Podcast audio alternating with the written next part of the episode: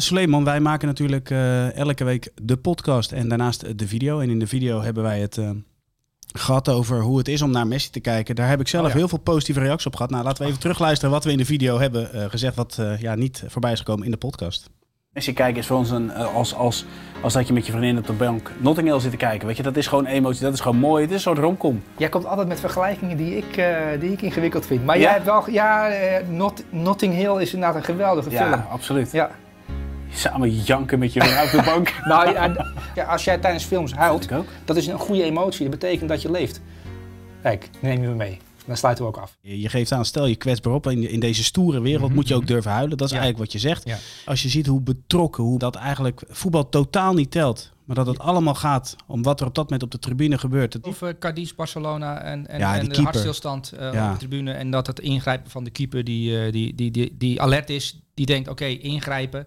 En natuurlijk wat we ook gezien hebben bij Christian Eriksen. Dat de Ja. voetballers eh, en de medische staf en de mensen op de tribune allemaal eh, snel door hadden dat het hier om leven en dood ging. En als het om leven en dood gaat, dan valt Ja. alles even stil. En dat zag je terug in die Maar wedstrijd. jij zegt altijd, jij kijkt naar gezichtsuitdrukken. En, Ja. en dat is eh, prachtig. Is het is misschien niet het juiste woord om te zeggen. Maar het feit dat hij, je zag dat het zo oprecht was. En dat hij er zo betrokken bij was. En dat hij er, nou ja, weet je, het raakte hem echt. En dat Ja. vind ik wel mooi om te zien in nou ja, de harde wereld zoals die vaak wordt omschreven. Ja, maar kijk, ehm, voetballers die, die, die krijgen veel vragen.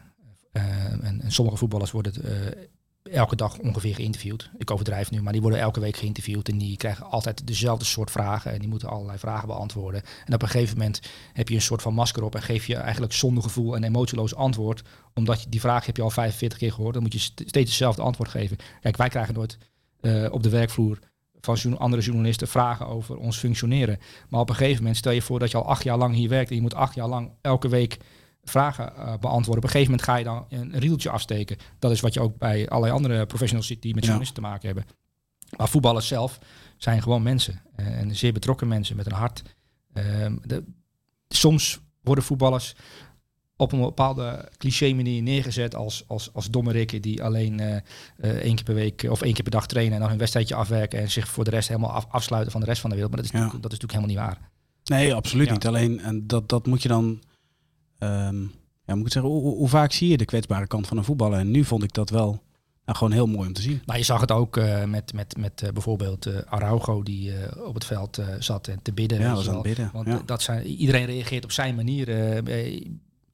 Eh, eh, ja, de- ja, jij als kijker hebt ook een emotie. Jij, voel- jij, jij, op afstand voel jij je betrokken en je hoopt dat het goed komt. Dat, dat je eh, goed nieuws te horen krijgt. En als je dan later op de avond te horen krijgt dat de man in kwestie nog leeft en in het ziekenhuis ligt en dat het naar Ja. omstandigheden goed met hem gaat, dan ga je toch iets fijner naar bed toe. Ja, en dat hebben die voetballers natuurlijk ook. Dat zijn geen robotten.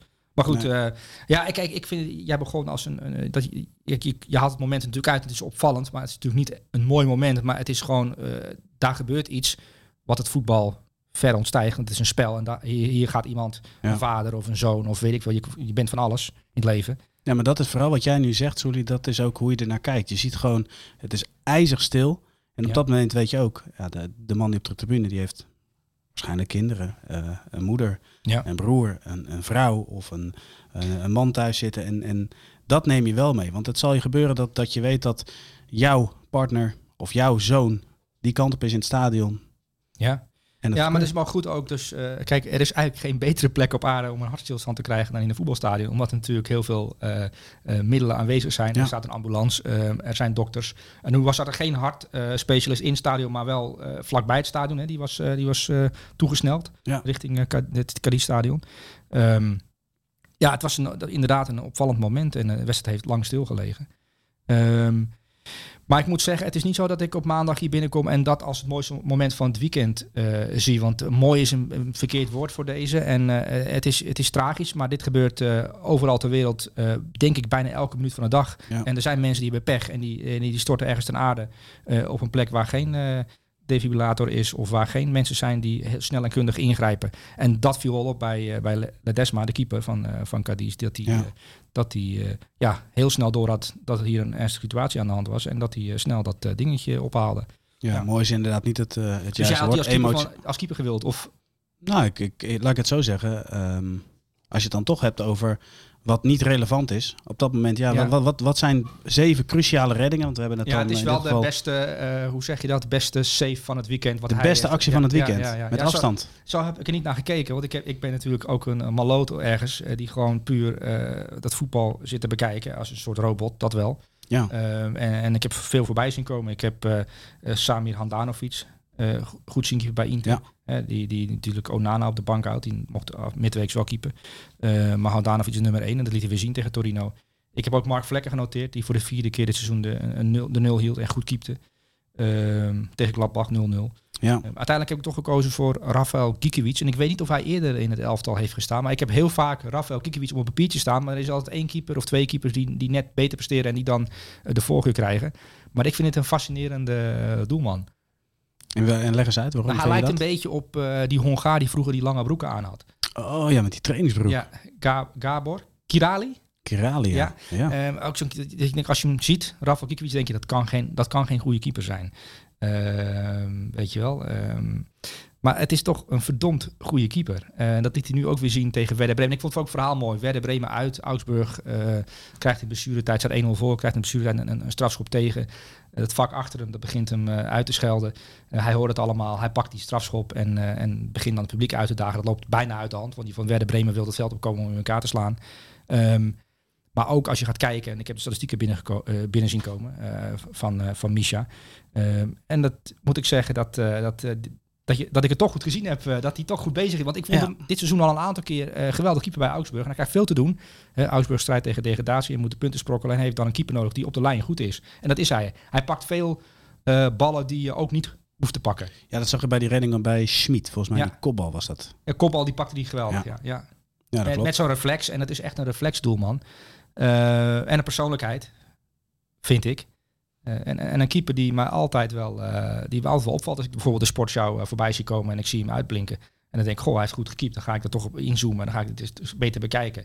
En dan, eh, ja, dan eh, kom je zo in het elftal terecht. Ja, toch heeft hij niet de meeste doelpunten voorkomen in de Bundesliga Nee, dit maar seizoen. dat komt, dat komt Wie is dat? natuurlijk door die, door, die, door die wedstrijd van, eh, van Gladbach en Bayern München. Jan Sommer die toen eh, Ja. alle records brak en zoveel ballen pakte dat hij eh, denk ik tot het eind van het seizoen het meeste reddingen heeft. Want welke keeper pakte nou 19 ballen in een seizoen? Dat, dat is nogal wat. Ja, absoluut, absoluut. Maar goed, we hebben het over Kikiewicz. En eh, natuurlijk de doelman die de mooiste actie van het weekend had. Ja. Cijfers voor beide. Eh, ja, er stond Conan op zijn shirt, hè, maar Ledesma een 10 De Desman 10. en, en Gikiewicz een 9. Dus eigenlijk had Ledesma er een moeten staan. Maar ik begrijp nu pas waarom jij eh, hierover begint. Maar eh, ja, Ja. ik moet wel zeggen, Sully, dat ik het moeilijk vind om de juiste woorden daarvoor te vinden. Want het is natuurlijk een heel Ja. gevoelig onderwerp. Maar het, Nou, het is niet ik, gevoelig, ik vond de emotie nou, bijzonder. Ja, ja ik Ja. vind het eerlijk gezegd. ehm, ik denk dat iedereen. Er zijn altijd een aantal mensen die op een goede manier reageren. eh, omdat dat, dat zijn eigenlijk de helden van onze maatschappij. Eh, je hebt mensen die bevriezen als er, als er iets ernstigs gebeurt. Ehm, maar je hebt ook mensen zoals eh Paulsen. eh, ehm, eh, of, en Kier trouwens ook. Ja. Kier, Simon Kier Ja. is zo'n persoon. Die reageerde precies. nou, dus er zat natuurlijk een, iemand op de tribune. de, de vrouw van, de vriendin van. Ja. Die moet getroost worden. Die moet ja, emotioneel ja, begeleid worden. Ja. Ehm, de jongens van die, groep, van die groep, die, Deen- die Deense spelers, moeten ook natuurlijk eh, begeleid worden. En, en Simon Kjær staat dan op als leider. En je, je weet nooit helemaal precies wie in een groep dan als leider opstaat. Omdat het zo'n specifieke, vreemde, rare situatie is. Daar kun je je eigenlijk helemaal niet op voorbereiden. Nee. Dit soort zaken. Eh, dit overkomt je. En dan reageren bepaalde mensen eh, op de manier zoals ze reageren. En zoals die keeper reageert, is natuurlijk is, is perfect. Ja, absoluut. We gaan door naar de achterhoede en daar zien we Angel Carmona van eh, Sevilla. Ja, Eh, voordat ik... eh het elftal, natuurlijk de Premier League, die drukt altijd heel veel weg. Ja. veel, veel, veel, veel potentie. En ook spelers uit kleinere competities, omdat de Premier League natuurlijk de meeste aandacht krijgt. En daar spelen echt alle jongens die gearriveerd zijn en, en helemaal klaar. En dit is een elftal waar toch wat onbekendere namen in zitten. Van, van jongens die aan het opkomen zijn of die via een andere weg bij een andere club naam aan het maken zijn. En ook jonge spelers die, die goed aan het seizoen begonnen zijn en die spelers vervangen die, die grote namen zijn. Hè, zoals Jules Koundé van Sevilla. Is natuurlijk voor veel geld vertrokken Ja. naar, eh, naar Barcelona. En ze hebben ook nog een andere speler verkocht. Diego Carlos voor een miljoen of dertig. eh, Sevilla. En dan zijn er vacatures achterin. En dan staat er ineens een kleine rechtsachter met hele snelle voeten. Ehm, ja, en, en ik vind het leuk dat je dat zo benoemt, eh, omdat hij natuurlijk nu rechtsback speelde. Eh, maar hij heeft ook als centrale verdediger gespeeld. En dan als hij als centrale verdediger speelt, dan is hij een rustige, laid-back jongen die tactisch inzicht heeft en die met lange pases dat spel van achteruit vorm geeft. dat Dus zou je niet zeggen als je naar zijn spel kijkt. Dat is dus het meest opmerkelijke van deze José Angel eh, Carmona, een jeugdspeler uit de eigen opleiding, die nu op rechts stond en inderdaad eh, opviel met, eh, met assists en doelpunten. En dan kom je, ja, als je als rechtsback eh, in je eerste basis, eh, bij je eerste basisplaats eh zodanig veel invloed hebt op de re- resultaten, kom je natuurlijk in het elftal terecht. Maar dan ga je hem beter bekijken en dan ga je zijn achtergrond bekijken. Ja. En wat Lopetegui, die onder druk staat, Sevilla eh staat onder druk als ploeg. En dan kom je met een 20-jarige op de proppen op een voor hem toch een beetje onbekende plek. Eh, ja, dan mag je als trainer wel op de borst kloppen dat je het vertrouwen durft te geven aan zo'n jongen. Dat zo'n jongen ook levert. En laat zien dat, dat uit de jeugdopleiding ook altijd aardige spelers doorkomen. En dat je Koundé kan verkopen. En dat nu deze Carmona of José Angel zich kan ontwikkelen. Ja. Dat is wel leuk om te zien. Hij kan en centraal in verdediging spelen. Als Ja, ik wist dat niet, en als rechtsback. Ja, maar daarom ben ik hier. Ja, nee, absoluut. Dat is ook mooi, die rol. Want eh, als je... Als je maar, maar Sek, hè, jij, jij kijkt dan verder natuurlijk. En je Ja. kent die persoon, je hebt hem al vaker aan het werk gezien. Nou, ik doe ook Maar mijn je- huiswerk. Ik ga interviews lezen en, en dat soort zaken. Ik probeer te kijken hoe die zich, eh, waar hij vandaan komt en of, of, of hoe lang in de jeugd heeft gespeeld. Ik probeer van alles bij te pakken om te kijken van eh, hoe lang heeft hij erover gedaan om de eerste elftal te komen. Hij is 20 jaar. Eh, afgelopen seizoen in het B-elftal. Dat is in Spanje natuurlijk Ja. ook gewoon serieus voetbal. Absoluut. Lager, lager niveau. Ehm, en ja, je hebt, Koen, je hebt met Koundé te maken. Je hebt met Rekiek natuurlijk te maken, die ook afgelopen seizoen basisspeler was, links centraal Ja. achterin. Dus je, je- ja, die, dat zijn spelers, als je jeugdspeler bent, kom je niet zomaar in, de- in de basiself terecht. Nee. Eh, nou, er worden een aantal spelers verkocht. Ehm, en dan kom je bij de eerste selectie, dan krijg je kans. En dan val je direct op. eh, als maar wat nou als je dat huiswerk... eh, je, je had je huiswerk niet gedaan en je zou alleen naar Espanyol Sevilla kijken. Ja, Zou je dan ook gedacht hebben... Oh, dit is, dit is een typische rechtsback. Die door vanuit de jeugd. Dat is zijn positie. ja, maar dat is de... Tuurlijk, dat zou je dan denken. Ehm, maar je moet altijd even kijken van... eh, Stond hij op zijn echte positie? Ehm, waar speelt hij normaal gesproken? Ja. Waar kan hij allemaal spelen? En dan maakt het nog interessanter. Dan denk je, oh, dat is een speler die kan en rechtsback spelen en centraal. Dan kun je ook naar de toekomst toe eh denken, oké, die speler is een speler geschorst. Nou, dan kan die José Angel wel spelen. Eh, en hij kan ook op rechtsback spelen als het nodig is. Nou, dat is dan allemaal dat is een extra kwaliteit. Dat zie je ook aan Koundé. Ja, maakt het heel interessant. Ja. Eh, we gaan een cijfer geven aan deze jongeling. Voor José Angel een 9. Oké, top. We gaan naar de Franse competitie. Bij Lans was er een uitblinker eh, met de naam Kevin Danso. Voordat we deze centrale, sterke verdediger gaan bespreken, die Ja. indruk maakt met zijn passing. Dan geef ik iets weg. Dat Ja. moet ik eigenlijk misschien niet doen. Waarom niet? Je mag Nou, toch wel zeggen dat hij met zijn passing wat, eh, wat hij, dat hij, want dat, dat viel mij ook op. Ja, Ja, maar weet je wat me ook opviel? Weet je wie de wissel zat? Eh dat moet je me even vertellen. Fofana. Ehm, ja, maar dat, ik denk, ik zat hem aan te zoeken. Hij speelde niet. Ehm, en dan denk je, goh, waarom speelt hij niet? Maar ik denk, ik geloof dat hij uit een blessure komt. eh, of, of iets in die richting. Dus dat zou wel Oh, kunnen. gelukkig daarom, eh, want eh, hij, die is zo goed, die staat niet zomaar wissel. Nee, Eh, geloof me. precies, precies. Ehm. nou, dan gaan we snel door naar Danso. Je hebt me gerustgesteld, fijn. Ja, kijk, we hebben de statistieken natuurlijk erbij. En hij was de matchwinner. Hij kopt natuurlijk een bal binnen. Hè. Dus hij, hij, het is 1-0 geworden tegen Troyes. Belangrijk voor Lens. En die doen het heel goed. Ze staan, eh, die draaien bovenin mee. Hij won zes van zijn zeven duels. Nou, eh, hij is fysiek sterk. Ja. Eh, dat, dat kun je wel zien. Maar eh ja, het net over zijn passing. Hij verstuurde 108 passes. met een paaszuiverheid van 96%. Dat is natuurlijk wel een combinatie tussen duelkracht en, en, en voetballend vermogen.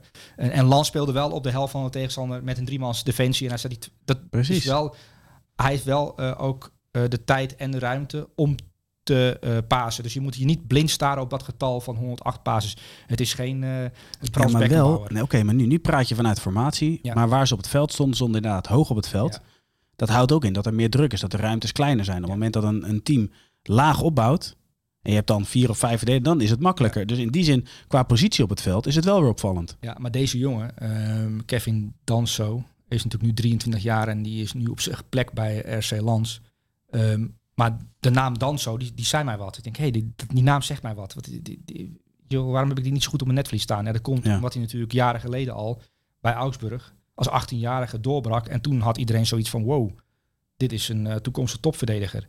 Die is toen door Southampton, zoals Southampton eh, wel vaker eh, jonge jongens scouten, zoals ze nu ook weer gedaan hebben, is het heel elftal vol met, met, met talenten Ja. die, die op een iets lager niveau gescout zijn. En zo'n Kevin Danso is ook een paar jaar geleden bij Southampton binnengekomen. Eh, bij Ralf Hasenhutel ook. Eh, en ik heb een interview gelezen met hem van een, van een paar maanden geleden. Want ik wilde weten waarom hij eigenlijk daar niet mislukt is. Want hij is nu zo goed aan het worden. dat er een aantal topclubs denken, goh, die Kevin Danso, dat is voor ons wel interessant. Uh, maar hij heeft, een, hij heeft in ieder geval een groei doorgemaakt. Maar hij heeft Ja. ook uh, bij Southampton heeft hij linksback gespeeld en rechtsback gespeeld. Oké, Terwijl het echt een centrale verdediger is. absoluut. Ehm, ja, dat, dat kun je dan als excuus gebruiken. Uh, maar ze wisten gewoon niet zo goed wat voor soort speler hij was. En hij had ook zichzelf, uh, hij vertelde ook, ja, ik moet kijken, dat kan ik, dat kan, ik kan het club dat verwijten. En dat is ook zo. Ik speelde niet op mijn echte positie. Um, maar hij was ook niet uh, professioneel genoeg misschien. En, en, is, en is ook gaan kijken van hoe kan ik beter worden. Um, en heeft hij toen in zijn eigen tijd, buiten de club om, weet je, om, om ja, die hoeft hem niet echt mee, uh, is hij gaan kijken naar bijvoorbeeld Virgil van Dijk. Ja. Waar blinkt hij nou in uit? Hoe, kan je nou zo goed worden als hij? Wat, wat doet hij nou goed wat ik nog niet kan? Uh, nou heeft hij, dat, heeft hij, dat heeft hij gewoon dus elke dag een uurtje kijken naar Virgil van Dijk. Wat doet en dat zie je wel terug. En dat vind ik wel grappig dat jij dat zegt. Want hij is wel sterk een positie kiezen en een, en een wedstrijd lezen. Ja, en hij is ook, heeft ook zitten kijken naar Rudiger. Oké. Okay. En, en als je daaraan denkt, dus hij vertelt in een interview van, van een paar maanden geleden dat hij, dat hij heel erg vooral gefocust heeft op Virgil van Dijk en Rudiger, want die vond hij dan uh, echt uitblinken op facetten waar hij misschien nog niet helemaal in uitblonk en waar hij ook beter in kan worden. Ja. En dan kijk je nu naar deze wedstrijd, Lance 3, je denkt aan Virgil van Dijk, je denkt aan Rudiger en je denkt aan zijn acties ja. en dan zie je dat terug. Dan zie je een jongen die, ja, je ziet hem, je ziet hem op, da, op een aantal facetten veel beter geworden dan, dan een paar jaar geleden. En, en Lans, we hebben het vaker we hebben het over Doucouré gehad, die natuurlijk nu naar Crystal Palace Ja. is gegaan. We hebben het over Fafana gehad, een aantal andere spelers van, uh, van RC Lans. Maar deze jongen, uh, Kevin Danso, ook, zit nu ook weer bij de Oostenrijkse ploeg. Hè, is, heeft uh, rang niet kunnen bijgehaald weer. Dus hij is ook gewoon na, van de nationale ploeg, maakt hij onderdeel uit. Deze jongen, die is pas 23 jaar, uh, draait mee in, aan de bovenkant van de liga. Uh, met deze statistieken, want er zijn natuurlijk data scouts die denken, goh, interessant die Danso qua statistieken. Ja. Dan ga je hem in real life bekijken en denk je, goh, dat is interessant. Groot, sterk, snel, voetballend vermogen. Dus ja, 1 en 1 is 100 miljoen. Nou, ik overdrijf nu, maar miljoen, miljoen of 40, 50 moet je Ja. wel neerleggen. Wil je Kevin Danso kunnen aantrekken. Terwijl hij gewoon bij Southampton heeft gezeten. En daar uh, linksback en rechtsback heeft gespeeld. Hij heeft een aantal wedstrijden in center gespeeld. Tegen City bijvoorbeeld. En toen speelde volgens zichzelf was hij toen op zijn best. Ja. Uh, nou ja, dat, dat kunnen we nu wel zien. Ja, interessant hè, zo'n zo voetballer die zich ontwikkelt. In een Nou, wat, wat, ik, wat ik leuk vind hieraan, weer eentje die in Engeland heeft gezeten, teruggaat naar Frankrijk en waarschijnlijk daarna weer teruggaat. En dat zie je, zie je nu wel Ja. weer meer. Saliba bijvoorbeeld is, is natuurlijk ook een geweldige speler nu. Ja, die Kevin Danso, die, uh, die, ja, hij is Oostenrijks international, maar hij is wel opgegroeid in Engeland. Hij bijvoorbeeld Ja. met uh, Deli Alli, ik weet niet of je dat gelezen hebt of meegekregen hebt, maar hij is opgeleid bij MK Dons. En daar komt Deli Alli van ook vandaan. Hij is dus met Deli Alli samen Ja. eigenlijk uh, in de jeugd gezeten. En, uh, en ja, hij is nu via Lans. Ik denk dat hij binnenkort wel weer in de Premier League te zien is. Uh, bij een trainer die met een driemans defensie uh, speelt. En dat is ongeveer bijna alle trainers tegenwoordig. Ja, Dus, ja die paar die er nog niet uh, aan begonnen zijn, zullen er volgend jaar wel aan beginnen. Maar kijk, niet? het- hij heeft nu goed gespeeld tegen Troyes. En, en hij zal nog een aantal keer eh, zo- zo'n wedstrijd moeten overleggen. Dat trainers denken, of scouts denken, goh, interessant. En dan zie ik hem zo bij Tottenham Hotspur belanden. Als optie eh, centraal achterin. Dat is ook een prima, eh, die spelen natuurlijk ook eh, met Ja. drie man achterin. Ehm, ja, je kunt gewoon afstrepen. Zo'n jongens van zijn leeftijd met zijn capaciteiten. Het is nou een uniek eh, eh, palet aan kwaliteiten natuurlijk. Hè. Eh, snelheid, kracht, duelkracht, kopkracht. En van 108 basis geven van bijna allemaal goed is, Ja, wel, is wel knap als je ook nog de, dat andere kan. Helemaal mee eens. Ja. Cijfer voor Kevin Danzo, Een 9. een 9. En de volgende, Sou- eh, Soulien. Ik vind, is- ik zit, we hebben gewoon een Nederlandse podcast en we zijn gewoon een kwartier aan het praten over Kevin Danso. Waar gaat het over? Ja, maar wij, wij, bedienen de, wij bedienen niet alleen de liefhebber, wij bedienen de kenners. Oh, is dat zo? Denk je van niet? ik heb geen idee wie we bedienen. Maar ik zit me nu eh, af te vragen waarom we in godsnaam een kwartier over Kevin Danso aan het praten zijn. het is, Soulien? Zolang wij onszelf niet serieus nemen, Ja. maakt het allemaal niks uit. Maar dat, het, het is wel echt eh voetballer die me opgevallen is. Nou, ik ben het helemaal met je eens. Ja. Hij verdient deze airtime. Oké. Oké, eh, de volgende is Antonio Silva. Ehm, nou moet ik eerlijkheidshalve bekennen, ik ken hem niet. Ja, maar niemand kende hem, hè, want hij is 18 jaar en hij heeft net vier wedstrijden gespeeld. Maar ik heb ook nog geen beelden van hem kunnen vinden. Dus Oh, je hebt geen beelden van hem gezien? Ik heb geen beelden van hem Oh. gezien. Ja, en dat Eh, vind ik wel jammer. Nou, dan heb je wat gemist. Want eh, van alle elf namen die we vandaag eh, behandelen, is dit de meest sensationele. Dat je denkt van een openbaring. Dat je denkt van, dit kan niet waar zijn. Zo goed, zo jong, zo volwassen. Oké, start. Waar, waar, waar speelt hij? Nou, je, je hebt natuurlijk João Felix gehad hè, bij Ja. Benfica. En ineens 120 miljoen euro. Dat je denkt van, goh, eh, er was net een jeugdspeler en een half jaar later 120 miljoen euro. Gaat, hij, gaat deze jongen ook, die kant gaat hij ook op. Oké. Nou, hij heeft een paar dagen geleden zijn contract verlengd. Want eh eh, Roger Smit, die heeft twee ogen. Zoals wel meer mensen. En Mhm. die, eh, die, die heeft wel eh, de clubbestuur gezegd, leg hem nu vast. Want eh, ik, laat, ik stel hem op. En een week later is hij weg. En waar speelt hij onder Smit? Uh, rechts centraal achterin. Rechts centraal achterin. Um, kijk, er zijn... De, dit is een... Ja, voordat we, jij hebt het over Antonio Silva. En dat jij niet kon vinden, denk ik dat wel een reden heeft um, in, in, de, in de database. Uh, want Antonio Silva is de helft van zijn naam. Hij heeft een hele lange naam en dat wordt dan op een bepaalde manier opgeslagen. En dat kan jij niet vinden. Nee. Uh, maar er zijn beelden van. Hoor. Uh, maar Benfica speelde uit bij Famalicao. En Benfica speelt dan net zoals Troyes tegen, of Lens tegen Troyes op de helft van de tegenstander op de ronde middenlijn. Ja. Um, en mij viel op dat bij Benfica er een 18-jarige jongen centraal achterin stond. Deze Antonio Silva, die nu een aantal wedstrijden heeft gespeeld. Dit was zijn vierde wedstrijd. Um, Roger Smit is natuurlijk een trainer. Die, die uh, heeft dat elftal zodanig... Die spelen echt heel goed voetbal nu bij Benfica op dit moment. Ja. Uh, met David Neres onder andere, met Enzo Fernandez die ze van River Plate hebben gehaald. Uh, Ausners die er natuurlijk bijgehaald is. Achterin ervaren man. Vertongen is natuurlijk vertrokken. Ja. Terug naar Anderlecht. Er zijn een aantal jongens achterin geblesseerd geraakt. Dus dan heeft Smit uh, deze Antonio Silva opgesteld. Maar hij had hem in de voorbereiding al bijgenomen. En eigenlijk zag je die Antonio Silva en dacht, goh, die is wel echt heel goed. In, in, in, nou, waar is hij goed in? Het is een, voetbal, een voetballende verdediger. Het is een jongen die, die, okay. die, die nou ja, als je de statistieken ziet, uh, hij verstuurde 110 passes als 18-jarige. Dat is natuurlijk wel uh, krankzinnig. Uh, met 95% paaszuiverheid. Dat, dat zegt niet alles. Um, maar wat mij opviel is dat ook de ouderen, voor Otamendi speelt links naast hem. Otamendi ja. is natuurlijk de linkse straalverdediger van uh, Benfica. En die leefde alle ballen bij hem in. Want het spel begon bij Antonio Silva, de 18-jarige die pas vier wedstrijden meedoet. Dat vond ik wel opmerkelijk om te zien. En maar wat je ook zag is dat hij, um, wat hele goede voetballende centraalverdedigers goed kunnen, is paas uitstellen totdat er ruimte is om een linie over te staan. Dat deed die jongen ook al, maar is 18 jaar. Dat denk je, ja, dat is krankzinnig. Dus het is eigenlijk een beetje de daily blind van Benfica. Um, nou, die kwaliteiten bezit hij wel. En, um, en, en ja, het is dat Benfica hem afgelopen week een nieuw contract heeft aangeboden met daarin ook een ontsnappingsclausule. Uh, weet je hoe hoog die ontsnappingsclausule is? 100 miljoen euro. Uh, ja, dat, dat, zegt niet alles. Ja, maar, maar, dat, moet betekent tegenwoordig wel ook. dat, dat, dat, uh, dat ja, als hij nog vier keer dit laat zien en hij laat op een hoger niveau ook zien en Benfica komt uh, ver, in de, ver in de Champions League en, en Antonio Silva dat rechtscentraal achterin, dan gaat hij uh, à la Ruben Diaz direct naar een topclub. Maar is het ook logisch dat ze dat doen, Sully? Want, want ik heb soms het idee bij sommige clubs dat ze niet per se iemand scouten omdat ze hem willen hebben, maar vooral dat ze hem scouten dat ze niet mis willen lopen of dat ze de concurrent sterker zien worden. Ja, nou kijk, het is ook zo, eh, Antonio Silva, ja, dat wij hem niet kenden is wel logisch, want hij speelde niet in een eerste elftal. Dus dan komt hij niet in beeld bij ons en wij zitten geen uh, B-elftal te kijken. We kijken niet het Portugese tweede divisie, want we zijn geen scout. We zijn gewoon uh, mensen die het voetbal, de grote vijf competities volgen. Hè. Dat is wat wij doen. Ja, of je moet toevallig in de stad zijn, noem ja, Barcelona, dan kijk je Barcelona B toe, toeval. Ja, dan ja. kan je Ricky Puig ontdekt hebben. Uh, ja, per toeval. Per toeval, ja. ja. Maar Antonio Silva, die is 18 jaar en er zijn niet heel veel 18-jarigen die, uh, die bij Benfica het eerste terechtkomen. Want uh, ja, je hebt daar een tweede elftal en als je talent hebt, dan kom je, ga je, kom je eerst daar te spelen. Dus, dus dat is wel opmerkelijk. En als je ook kijkt naar die statistieken, dat er, dat er, ja, er zijn niet heel veel jonge verdedigers die op deze leeftijd zich zo in de basis hebben gespeeld. Maar Roger Smit, hè, dat is, die is natuurlijk uit Nederland vertrokken bij PSV. En de, de van Nistelrooy heeft veel over gezegd. En ja. die staat nu een beetje onder druk. En uh, Roger Smit veel kritiek gehad. Maar die wordt dan trainer van Benfica en die laat ze heel aanvallend spelen. Uh, ik, vind dat, ik vind dat ze echt goed voetbal spelen.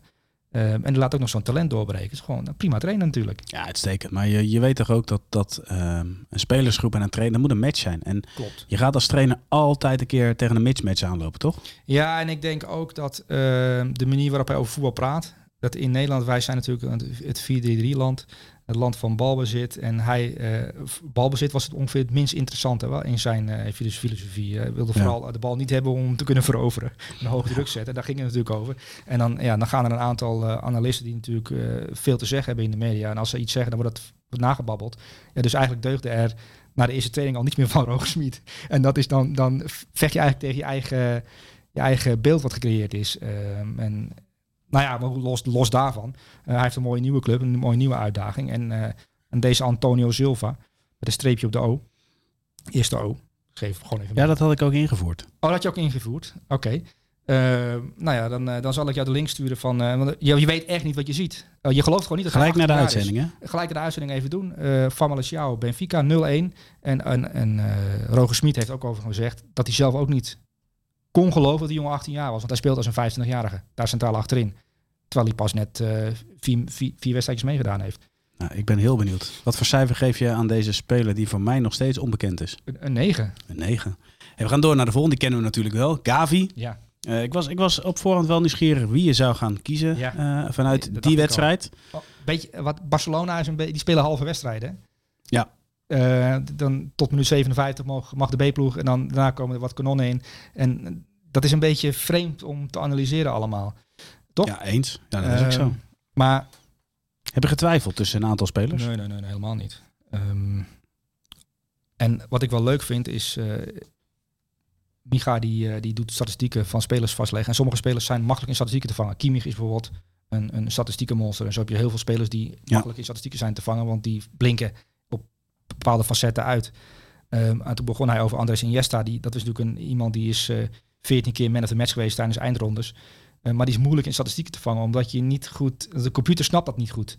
Um, en datzelfde geldt voor Gavi, omdat ja, hij, je ziet wel een aantal statistieken waarin hij uitblinkt. Bijvoorbeeld het aantal uh, ballen veroverd, weet je wel. Dat, dat ja. valt dan op voor iemand die aanvallende middenvelder is.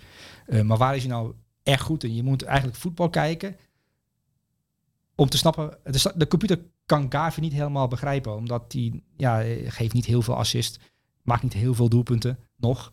Um, is hij supergoed in de passing. Ja, maar dan praat je dus over direct betrokkenheid bij doelpunten. Of, of nou ja, goed, in dit geval de assist, voor assist of voor voor assist. Dus ja. kennelijk is het bij KV de voor voor voor voor assist. Maar waar blinkt hij dan in uit? Want als je, als je het mij zou vragen, dan zou ik zeggen... Um, nou, we hebben het al een tijdje niet gehad over carries. Ja, en, maar je hebt, je, je hebt, kijk, carries kun je op allerlei, carries, uh, je kunt, lachen omdat ik het uitspreek, maar carries. Um, kijk, je hebt bijvoorbeeld verded centrale verdedigers, als je een driemans defensie heb je altijd één van die drie die blinkt uit in, uh, het, het, indribbelen. Dat is ja. eigenlijk een carry. Precies. Um, maar dat is een ander soort carry dan uh, de plek waar hij staat. Um, en uh, waar ik hem goed in vind is bij balverlies er meteen bovenop zitten en een andere ploeg, dus de tegenstander eigenlijk geen ruimte geven om te voetballen, om tot opbouw te komen. Omdat, ja. als hij er, omdat hij als een soort vlieg bovenop duikt. Het is natuurlijk een lichtgewicht, maar ook iemand die wel hard in het duel. Geweldige timing voor duels en ook zijn voet niet terugtrekt. Dus nee. uh, Gavi is aanwezig. En ja. dat voel je als tegenstander. Als je, de bal, als je de bal niet goed aanneemt, heeft Gavi hem. Dus je wordt gedwongen om, om zeer geconcentreerd te zijn. En als je dat niet bent, hap, dan hapt Gavi je been eraf. Weet je wel? Uh, dat, ja. Voor dat gevoel. Dus je, je wordt door iemand omringd die, die er bovenop zit. En aan de bal, hij is moeilijk van de bal te krijgen. Omdat hij technisch, zijn aanname is vrij goed. Hij ja. draait makkelijk weg. Um, hij weet waar zijn ploeggenoten staan. En als zijn ploeggenoten niet kan vinden, draait hij weer weg. En dan, hij, dan, dan zoekt hij naar ploeggenoten. Dus hij heeft uh, kwaliteiten van allerlei Barcelona-middenvelders die je kent. Maar op een volstrekt unieke manier komt er bij hem weer tot uiting. Omdat die, ja, die agressie die hij heeft, die, die had je bij Iniesta, zag je dat niet. Iniesta was veel zachter. He, het, was, het was echt puur techniek. Maar Gavi heeft techniek en een soort gif wat moeilijk te vatten is. En waarom een bondscoach denkt, 17 jaar, gooi hem gewoon in diepe tegen, tegen Italië. San Siro ja. tegen Italië. Kan, omdat hij die agressie en die, en, die, en die kwaliteit techniek met elkaar combineert. En dat vind ik wel uh, ja, genot om naar te kijken. Ja, als je, als je dan hebt over... Hij is dan niet direct betrokken hè, bij, bij doelpunten. Nou, hij is heel erg betrokken natuurlijk. Nee, jawel, maar echt in die fase daarvoor. Ja. Heeft dat dan ook te maken, want we hebben het eerder gezegd van wie vind je uh, niet, niet beter, want nogmaals het zijn andere spelers, ja. maar wie is unieker, ja. Pedri of Gavi? Ik heb bij Pedri altijd het idee, wat er ook gebeurt op de een of andere manier draait zich eruit waarbij het vizier altijd naar voren is. Mm -hmm. En bij Gavi draait zich er ook uit, maar het vizier is niet altijd naar voren. Begrijp je een beetje wat ik bedoel? Ja, ik begrijp wat je bedoelt. Um, ja, Pedri en Gavi zijn niet goed met elkaar te vergelijken. Nee. Um, maar daarom zijn ze ook zo perfect voor met z'n twee op middenveld. Omdat ze raken niet heel snel een bal kwijt. Uh, Pedri is altijd op zoek naar uh, de oplossing naar voren. Maar dat komt omdat Pedri in de fase daarvoor eigenlijk al weet wat oplossing 1, 2 en 3 zijn. En hij heeft ook voor, de gein ook nog een vierde. Voor mocht het echt ingewikkeld worden, dan heeft hij ook nog een oplossing 4. Um, Gavi is veel meer een actievoetballer. En uh, Pedri is iemand die, die speelt ook in het moment. Maar dat heeft hij eigenlijk al gespeeld. Dat maar is actievoetballen als in gewoon puur op intuïtie. Hij begint aan iets en hij weet niet waar het niet eindigt. helemaal waar het eindigt, nee. Oké. Okay. Um, dus en de Pedri die, die, die heeft alles kennelijk al door. Een soort wiskundige. En dan ja, moet je eigenlijk denken aan Beautiful wel, Mind bijvoorbeeld. Nou, bijvoorbeeld. Ja, je hebt gooit er weer een film in. Maar dat is iemand die, die het voetbal op een manier ziet die... Uh, ja, dat, dat is wel echt... Uh, ja. Dat is wel uniek als je op, op die manier... Maar die heeft, dat heb ik al een keer verteld die heeft zijn, zijn leven lang niets anders gedaan dan bij, uh, bij zijn opa in de fanclub, uh, Peña, Barcelona fanclub, op het eiland waar hij vandaan komt. Die heeft alle wedstrijden van Iniesta, Xavi en Messi gezien. En die heeft, zat op het voorste stoeltje in zijn eentje. De rest zat achterin eh, bier te drinken, te babbelen en die, die, die, die goals kreeg hij mee. Maar er zat er eentje gebiologeerd negen minuten lang naar het scherm te staren. Omdat hij wilde snappen waarom dat allemaal zo goed was op het middenveld. En ja, dat zie je, dat, dat al, al die wedstrijden zitten in zijn lijf. Dat is, Ja. dat is inderdaad... Nou, Zijn dat al die, al die formules die dan voorbij komen? ja, die, die hij, komen hij, dan- hij is een voetbalwiskundige, omdat hij, hij weet alles. ja. Heb je die film gezien ook, Beautiful Mind? Ehm, ik heb alle films die jij hebt gezien, heb ik denk ik ook gezien. Oh. Nou, ik heb heel veel films gezien. Dus, eh, dus ik kan me niet Hou voorstellen je dat ook van Nederlands films? Ik hou van... Nou, kijk, eh, jij begon de uitzending met eh, emotie, tonen mag en huilen is oké. Kijk, ik huil nooit. L- bijna nooit. Nee, nooit eigenlijk. Ehm, dat, is een, eh, dat is een gebrek hoor, trouwens. Ehm, maar ik, kom, ik verberg niet dat ik ook hele slechte films kijk. Eh, van die romcoms op Netflix, die worden nu gemaakt via een formule, weet je wel. Want ze weten van, nee, er moet eh, een scheiding en een huwelijk. En dan bij het altaar moet het net goed komen en een kus en romant. En dan ga je leuk naar bed. Weet je wel, van dat soort films. Ja. Die, die eigenlijk het kijken niet waard zijn, maar die kijk ik ook. Want je moet ook slechte films Maar gekeken doe je dat hebben. voor jezelf of doe je dat voor je partner? Eerlijk zijn. Eh, nou, dat doe ik nou, maar ook voor mezelf. Want ik, je, moet ook we, je, je moet ook een goede, slechte film gezien hebben om een goede film te kunnen waarderen. Ja, maar wat is een goede film? Ja, ik hou van, eh, ik hou van, van, van, van die arthouse films, eh, Italiaanse films en Franse films, eh, weet je wel. Zo. Ah, ja, maar dan zit jij, kijk je, maar daar, daar, Ja, ho, ho, ho. dan haak je op verjaardag al vaak al gauw af. Hoezo? Nou ja, Maar ik, welke ik hou Franse- van mooi in, in het licht gezet vrouwelijk naakt bijvoorbeeld. ja, daar hou ik ja, ook maar, van, ja. ja, ja, ja, maar ook, ook in het minder goed eh, in Maar het licht weggezet, Ik hoor. hou ook van, eh, van, eh, van bizarre dialogen. Vind ik ook heel leuk. Ik vind dialogen, bijvoorbeeld, dat vind ik aan, in de Tarantino-films. Maar nu gaan we het opeens over films hebben. Maar dat dat, vind ik ik zo ook leuk aan, aan de Tarantino-films zo leuk. Die zijn, eigenlijk, sommige vrouwen denken, wat is het voor we- weird shit? Weet je, je zit in een LSD-trip. Ja, dat, is, dat vind ik leuk. Zo'n zo'n dialoog die, die helemaal nergens over gaat. Ja, maar soms is het ook een film leuk waarbij het om de expressie gaat. En jij hebt het over Frans film. Ken je Louis de Funès? Ik ken iedereen. Ja? Louis Funès. Ja, vertel. ja, dat vond ik ook. Ja, dat is een Franse acteur, oude Franse acteur. Ja, dat was eigenlijk een soort, ja, de Mr. Bean van Frankrijk of zo. Ik weet niet, maar daar kan ik ook om lachen Maar er eigenlijk. komt nu een heel ander aspect van jou naar boven die ik helemaal niet ken. Ik denk, eh, maar dit is veel leuker om over te babbelen, joh. Ja, We gaan dan? gewoon een hele speciale aflevering opnemen over de Franse cinema. Ja. Eh, we hadden het over Gavi, cijfer voor Gavi. Ehm, Met een ode aan Beautiful Mind. Ja, kijk, eh, er heeft iemand gezegd over Gavi, en het zou kunnen dat het Luis Enrique was. Die zei dat is een hart, groot hart met twee benen. Oké. En ja, hij is 18 jaar, hij heeft al 50 wedstrijden, of 53 wedstrijden voor Barcelona gespeeld. Ehm, normaal gesproken, we hadden het net over, eh, over Antonio Silva, die op zijn 18e zijn eerste paar wedstrijden speelt. Deze jongen is veteraan op zijn 18e. Ehm, Ja, dat blijft Apart, echt bizar. hè? Dat, Ja. dat hij zijn, eh, straks een schaaltje met eh, 100 eh, wedstrijden voor Barcelona. maar En 25 Of interlands. En dan ben je 19. Je hebt, je hebt, je hebt Pep Guardiola zei ooit eh, dan dat hij eh, een, een speler van het toernooi had, uitge, eh, had een jeugdtoernooi bezocht, een 16-jarige Iniesta. En dan zei hij van deze jongen neemt mijn plek in. Dit is het einde van mijn carrière. Dat zei hij over Iniesta, toch? Ja. Ehm, kijk, uh, Frenkie Jong is naar Barcelona gegaan. Toen bestond uh, Betri en Gavi nog natuurlijk niet. Hij was eigenlijk de oplossing. Dit was de toekomstige middenvelder. Ehm Busquets is nog steeds Busquets. Die, die, sta, die stond ook weer afgelopen weekend gewoon keurig Busquets te zijn. Dan heb je Gavi en Pedri. Uh, die, dat zijn nieuwe fenomenen. Ook gewoon in basisspelers bij de nationale ploeg van Spanje. Um, die zijn ineens naar voren gekomen. Pedri is natuurlijk gewoon gekocht. En uh, Koeman dacht, goh, die is goed.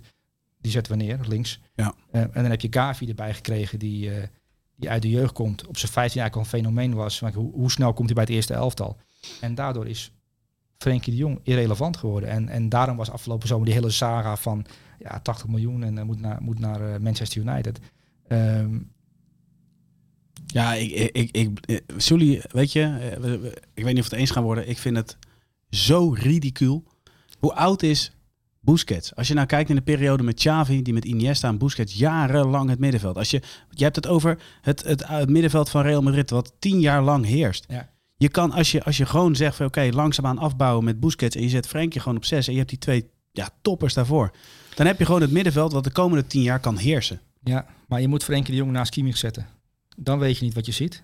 En de Duitsers, en ik denk dat Nagelsman ook beter begrijpt wat nou echt de kwaliteit is van Frenkie de Jong.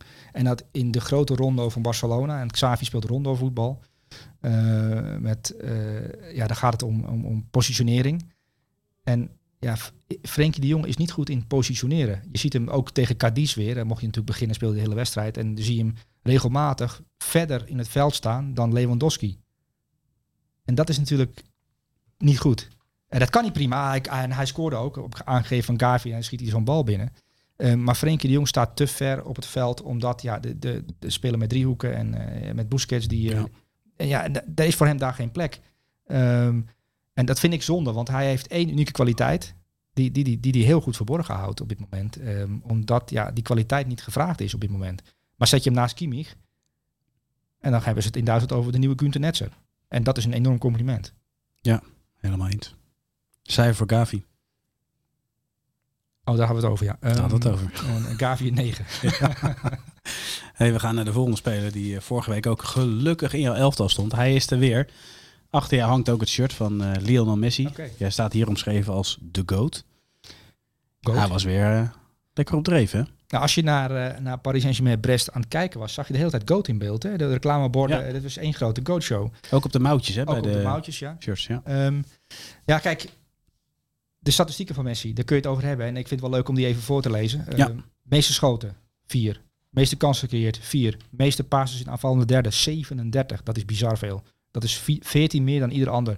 Maar hij heeft dus 37 passes gegeven in het laatste derde van het veld. Dus hij neemt een bal aan en wil dan de tegenstander pijn doen. Dus die laatste linie uh, aanvallen. Um, en ook nog een tackle uitgevoerd. Dat vond uh, Misha uh, uh, opmerkelijk. Want, en een geslagen tackle. Dat is voor Messi begrippen is dat opmerkelijk. Want um, hij voert nooit een tackle uit. Nee. Laat staan dat hij een geslagen tackle op zijn naam heeft. Maar die heeft hij nu ook erbij. Ja. Um, maar ik zat naar, naar Paris Saint-Germain Brest te kijken. En ik kan me nog herinneren dat Pochettino me regelmatig ook aan de rechterkant liet beginnen. En dat hij dan wel de vrijheid om in het centrum te komen.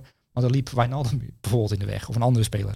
Ja. En nu zie je dat... Um, dat Mbappé is, die heeft een bepaalde zone waar hij graag induikt. Dat is die aan de linkerkant, 16 ja. meter gebied.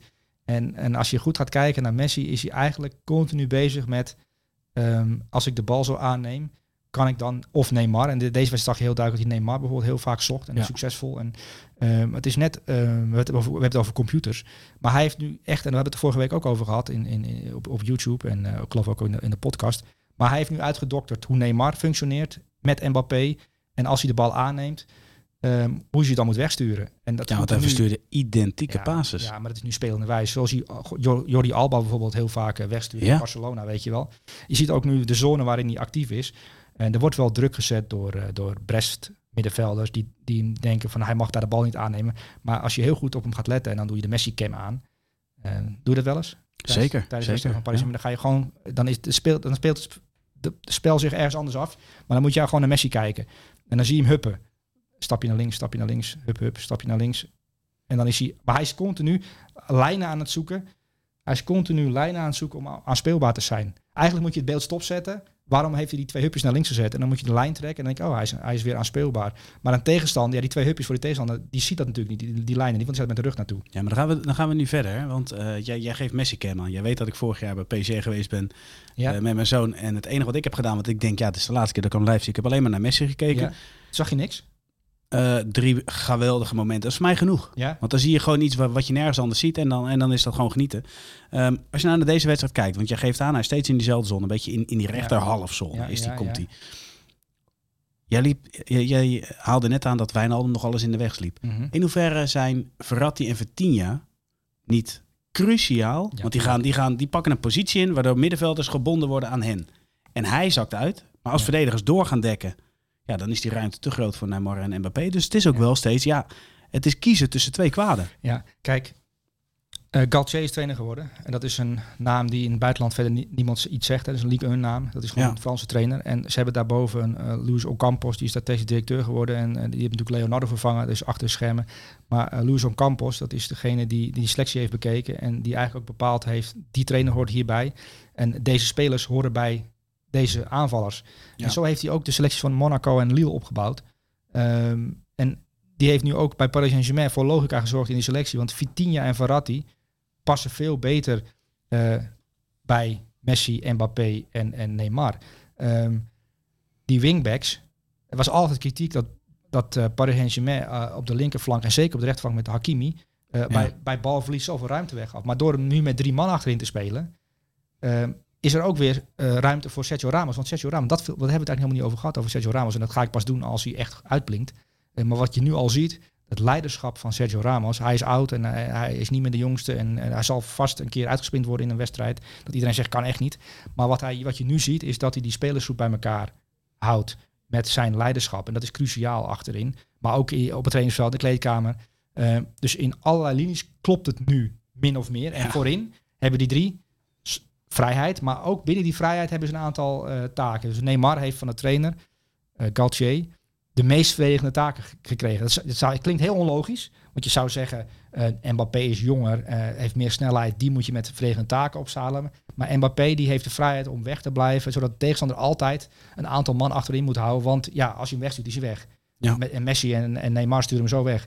Dus door die voorin te houden, ja, Neymar is eigenlijk degene die af en toe eh, op eigen helft moet komen om, om ook eh, ja, de dingen dicht te lopen. Maar dat zie je Messi- heel ook duidelijk. Messi zie je ja, Messi zie je dit Ja. ook nu doen, omdat Ja. hij omdat hij doorheeft dat de manier waarop het elftal nu eh, neergezet is, met Vitinha achter hem, dat het hem dient. Goede hij- speler ook. Ja, ja hele goede Oh. dienende speler. En wat ik bij Messi bijvoorbeeld, als hij echt in zijn element is, dan doet hij ook soms dingen spelende wijs. Dan komt een balletje op een gegeven moment, die kwam aan op een, en hij, hij deed zonder het. Je hebt wat van die, van die biljartstoten, dat je denkt van die kunststoten. Hij Mhm. gaf een soort met zijn linkerbeen, hij doet hem alleen maar neer te zetten, maar die bal kwam eigenlijk naar hem toe en hij zet alleen zijn been neer.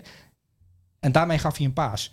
Heel subtiel klein paasje. En dan zie je, oh, hij, hij heeft dat ritme weer te pakken. Hij Ja. voelt zich lekker. Hij, hij, hij weet ook, als ik hem aanneem, gaan er twee man lopen. Het is eigenlijk zonde dat we dit trouwens niet op beeld hebben. Terwijl jij dit vertelt, sta je ook heel ritmisch om die microfoon heen te bewegen. Het is echt serieus. Ja, nee, maar je ziet aan zijn... eh, je, hij heeft een soort van cadans te pakken.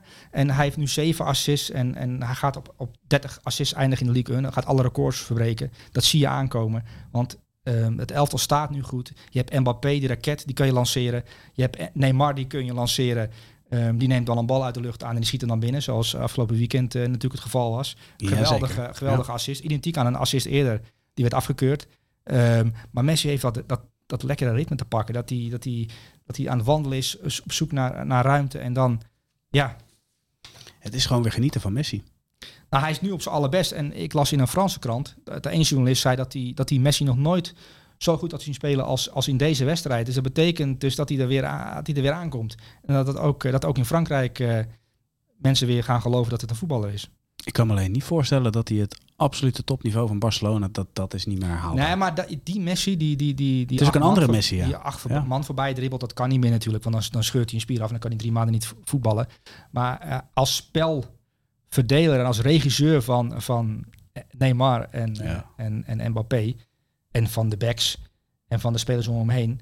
eh, ja, dat is natuurlijk een, een wa- waanzinnige regisseur nu. En dat, zo moet je naar kijken als regisseur. Ja. Om, om toch over films te hebben. Ja, ik wou het zeggen. Ja.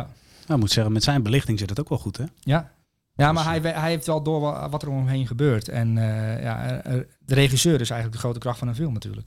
Ja, en als je dan naar de rol van Messi kijkt, dan heeft hij eigenlijk gewoon per wedstrijd heeft hij 20 verschillende eindshots. Eh, ja, zo kun je dat, als jij dat zo wil noemen, kun je dat zo noemen, ja.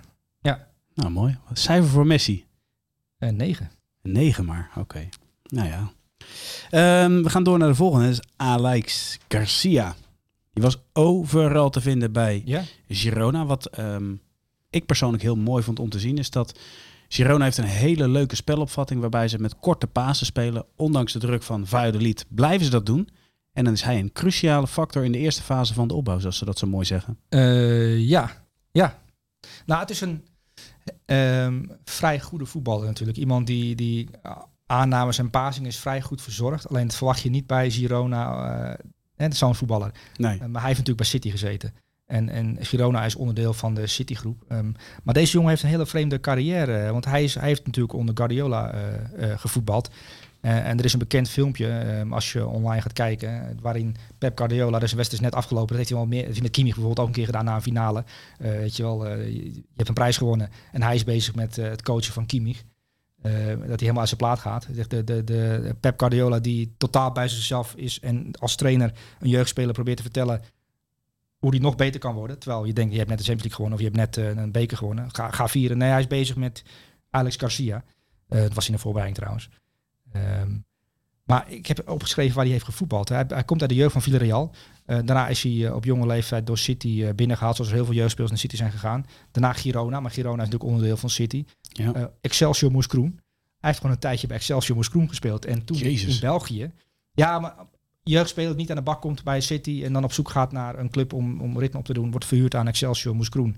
En uh, de supporters daar hebben geen idee van zo'n goede voetballer, waar speelt hij eigenlijk bij ons, weet je wel. En daar veel te goed voor, Moeskroen. Um, maar daarna ook bij Dynamo Boekarest beland. Dynamo Boekarest heeft die jongen gevoetbald. Um, maar dat klinkt voor mij altijd, als je, als je dan ja, heel lullig gezegd daar terecht komt, dan is het einde carrière. Ja, dan is het einde carrière. Nou, precies. En dan kom je bij Girona terecht uh, in 2021. Um, ja, dat, om je carrière weer op te pakken. Uh, en nu in, in de Primera Division zie je op 25-jarige leeftijd eindelijk de speler die iedereen op 18-jarige leeftijd ook wel zag. Maar dan moet je je nog ontwikkelen en dat kan bij City niet. Um, en je ziet nu dat hij hij speelt met Oriol Romeu uh, naast zich. Dat is een, ja. heerlijke speler, uh, zoals je Kimi ook een heerlijke speler is. Maar Oriol Romeu, dat is een stofzuiger. Die heeft in de Premier League gespeeld, speelt hij bij Girona. En die, die, die zorgt altijd voor dat het, het zo staat dat je defensief niet in de problemen komt. Precies. En deze jongen, Alex Garcia, speelt dan daarnaast. Speelt met drie man achterin en 3-4-3, weet je wel. En hij heeft eigenlijk de vrijheid om een heel groot stuk veld te bestrijken. Dus zijn verdedigtaken neemt hij vrij serieus. Want hij is heel vaak ook als, als nummer 14, dat speelt hij, dus de nummer 14, is hij in zijn eigen sessie te vinden om zijn collega's bij te staan. En dan verovert hij veel ballen en dan staat hij in de weg. Um, maar aan de bal is hij ook heel goed. En ik moest denken aan Bernardo Silva toen ik hem zag. Een ja, mindere, mindere versie van Bernardo Silva. Omdat hij eigenlijk heel goed, heel goed kan voetballen.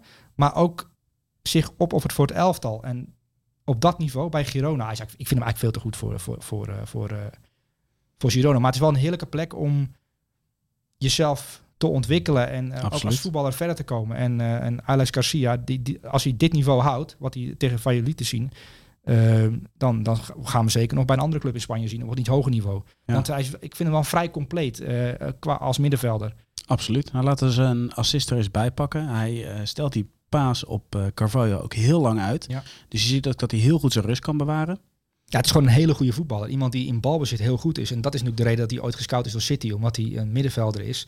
Maar is het nou een aanvallende middenvelder of een verdedigende middenvelder? Nee, het is een vrij complete middenvelder die je op een bepaalde manier moet neerzetten. Um, en die, ja, die een alleskunner is, maar die ook heel goed kan voetballen. En ja, als je dan... Uh, als je dan je doorontwikkelt en via Moeskroen en Dynamo Boekarest bij Girona terechtkomt, denk je van ja, die kan er niet zoveel van misschien. Of dat is, uh, dat is uh, vergaan, ver, een vergane glorie qua talent. Ja.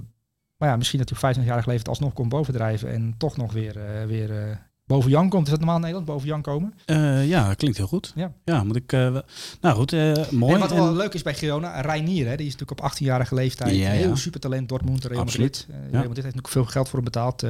zoals ze voor heel veel Braziliaanse talenten veel geld hebben gehaald. Maar die speelt nu voor dat duo Romeu en, en deze Alex Garcia.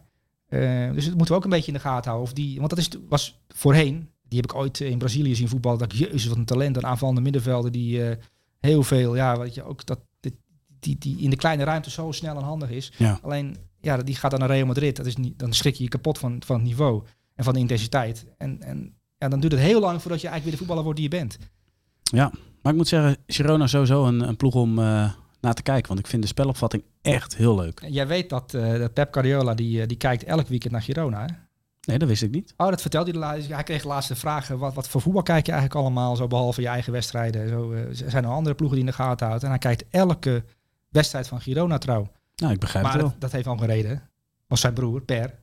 Die is geloof ik mede-eigenaar van, uh, van Girona. Dus dat zal de reden zijn dat hij er naar kijkt. Maar hij vindt het ook qua spelopvatting heel leuk. Ja, maar goed, misschien heeft hij daar wel een heel klein beetje invloed op. Ja. Hè? Wie zal het zeggen? Um, ja, ja, cijfer. Hij heeft er heel veel invloed op. Dat denk ik ook. Wat voor cijfer krijgt uh, Alex Garcia een, een, een 9. Oké, top. Dan gaan we door naar de volgende aanvaller. En dat is dan Dominique Soboslai van Leipzig. En dan zeg ik alleen maar, wat een schot. Ja. Jezus, um, hard. Ja, ja dat, dat is natuurlijk zijn specialiteit. Hè? De, de uithaal van een meter of 35. Uh, daar is hij goed in. Ja, dit is zo'n voetballer. Um, Dominic Soboslai, uh, die helaas het EK heeft uh, gemist door een blessure. En, en ook bij, bij RB Leipzig nog niet heeft kunnen laten zien wat hij in zijn mars heeft. Omdat hij natuurlijk geblesseerd is geweest en met trainers te maken die misschien niet helemaal begrijpen hoe hij functioneert. Ja. Uh, maar er is natuurlijk wat gebeurd op de achtergrond bij, uh, bij Leipzig. Trainerswissel, hè. Tedesco ja. eruit en Marco Roos, een nieuwe trainer. Meteen gewonnen van, van Dortmund met 3-0. Maar Ja, de vraag dat was, zal hij prettig vinden, hè?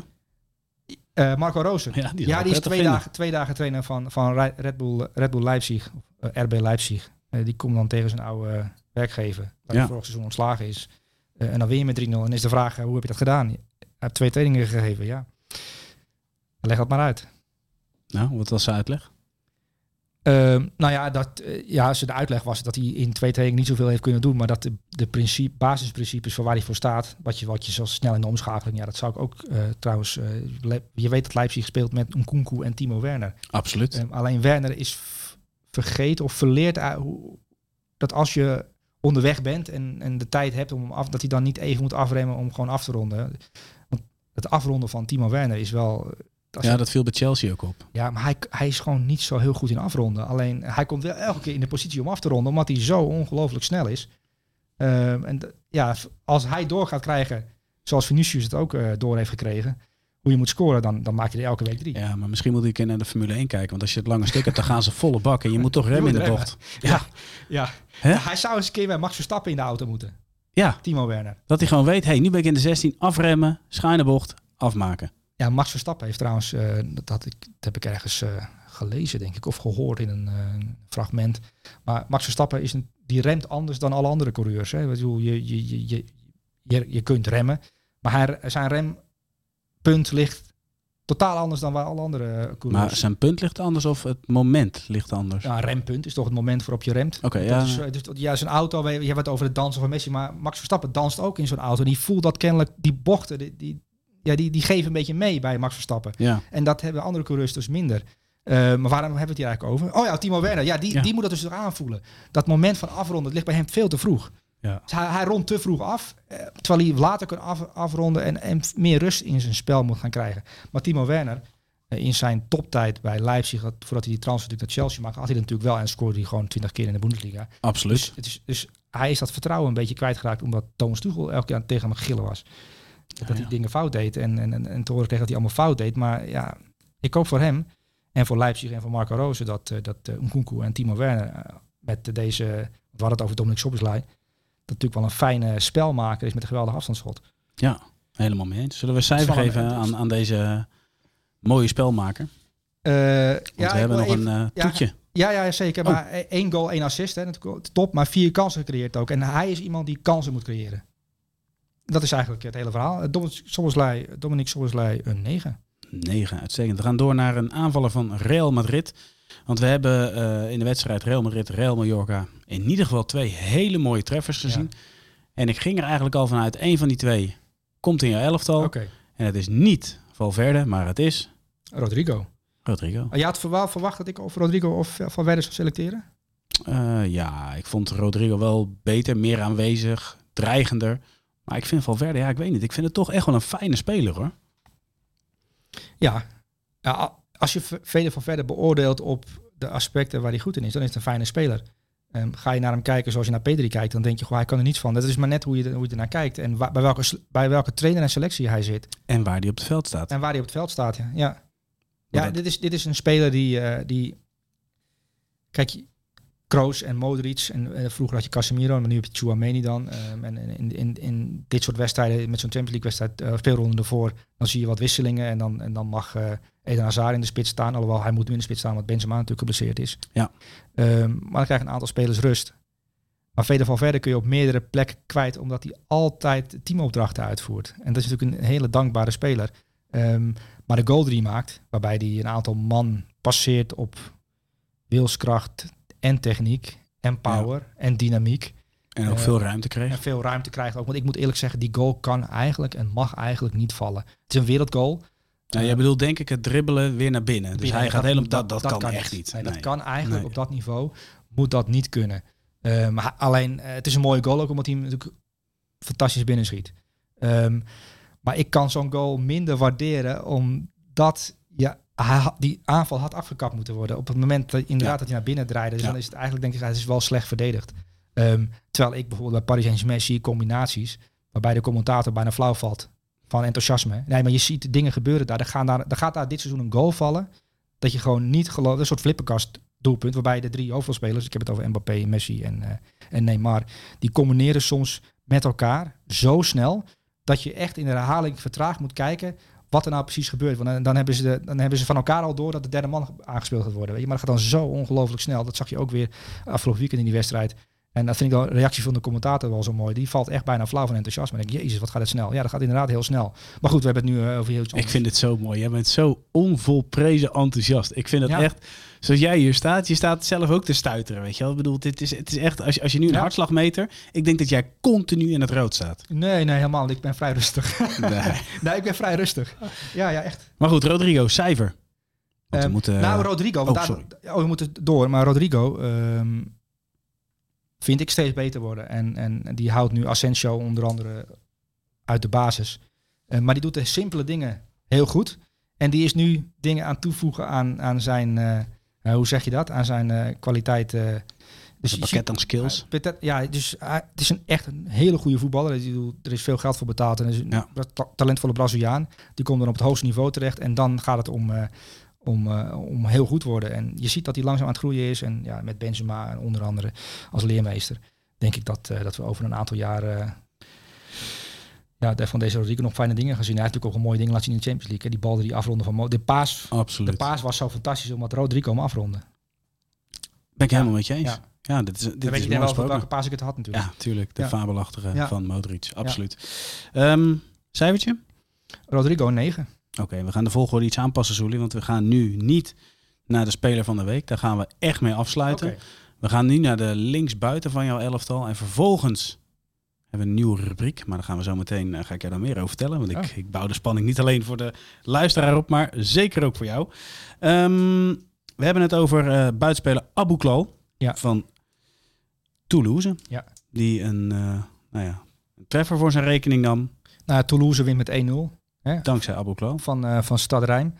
Um, naar Toulouse, Thijs Dallinga in de spits. Je hebt Stijn Spierings op middenveld. Branko van de Bomen op middenveld. Toch opmerkelijk. Ja. Um, en je hebt Zakaria Abouglal. En ik moet eerlijk zeggen dat ik uh, die transfer gemist had. Van uh, Abouglal? Van Abouglal. Ja, ik, je houdt niet alles in de gaten. Maar op een gegeven moment heb je dan door dat hij bij Toulouse speelt. En dan ga je het wel een beetje in de gaten houden natuurlijk. Um, maar hij speelde nu op rechts, hè, vanaf de rechterkant uh, ja. bij Toulouse. En de goal die hij maakte, kwam hij knap naar binnen en rond hem af met zijn linker. Mooi paas van Chabi. Ja, mooi, mooie paas ook. Um, maar Sakria Abouglal is typisch zo'n speler die, die in Nederland niet helemaal begrepen is, denk ik. Want als jij aan Sakria Abouglal denkt, wat voor spelers heb jij dan voor, je, voor, voor ogen? Uh, dan moet ik een beetje denken aan. We hebben het over AZ, als... hè, de jongen die daar. Ja, maar bedoel je type spelers waar ik aan moet denken? Nou, nou gewoon Zakaria Abouglal. Wat, wat denk je dan aan? Voor wat voor type speler dat is? Um, een speler die met momenten mooie dingen kan laten zien, maar heel vaak onzichtbaar is. Oké. Okay. Uh, ja. Deel je die mening? Uh,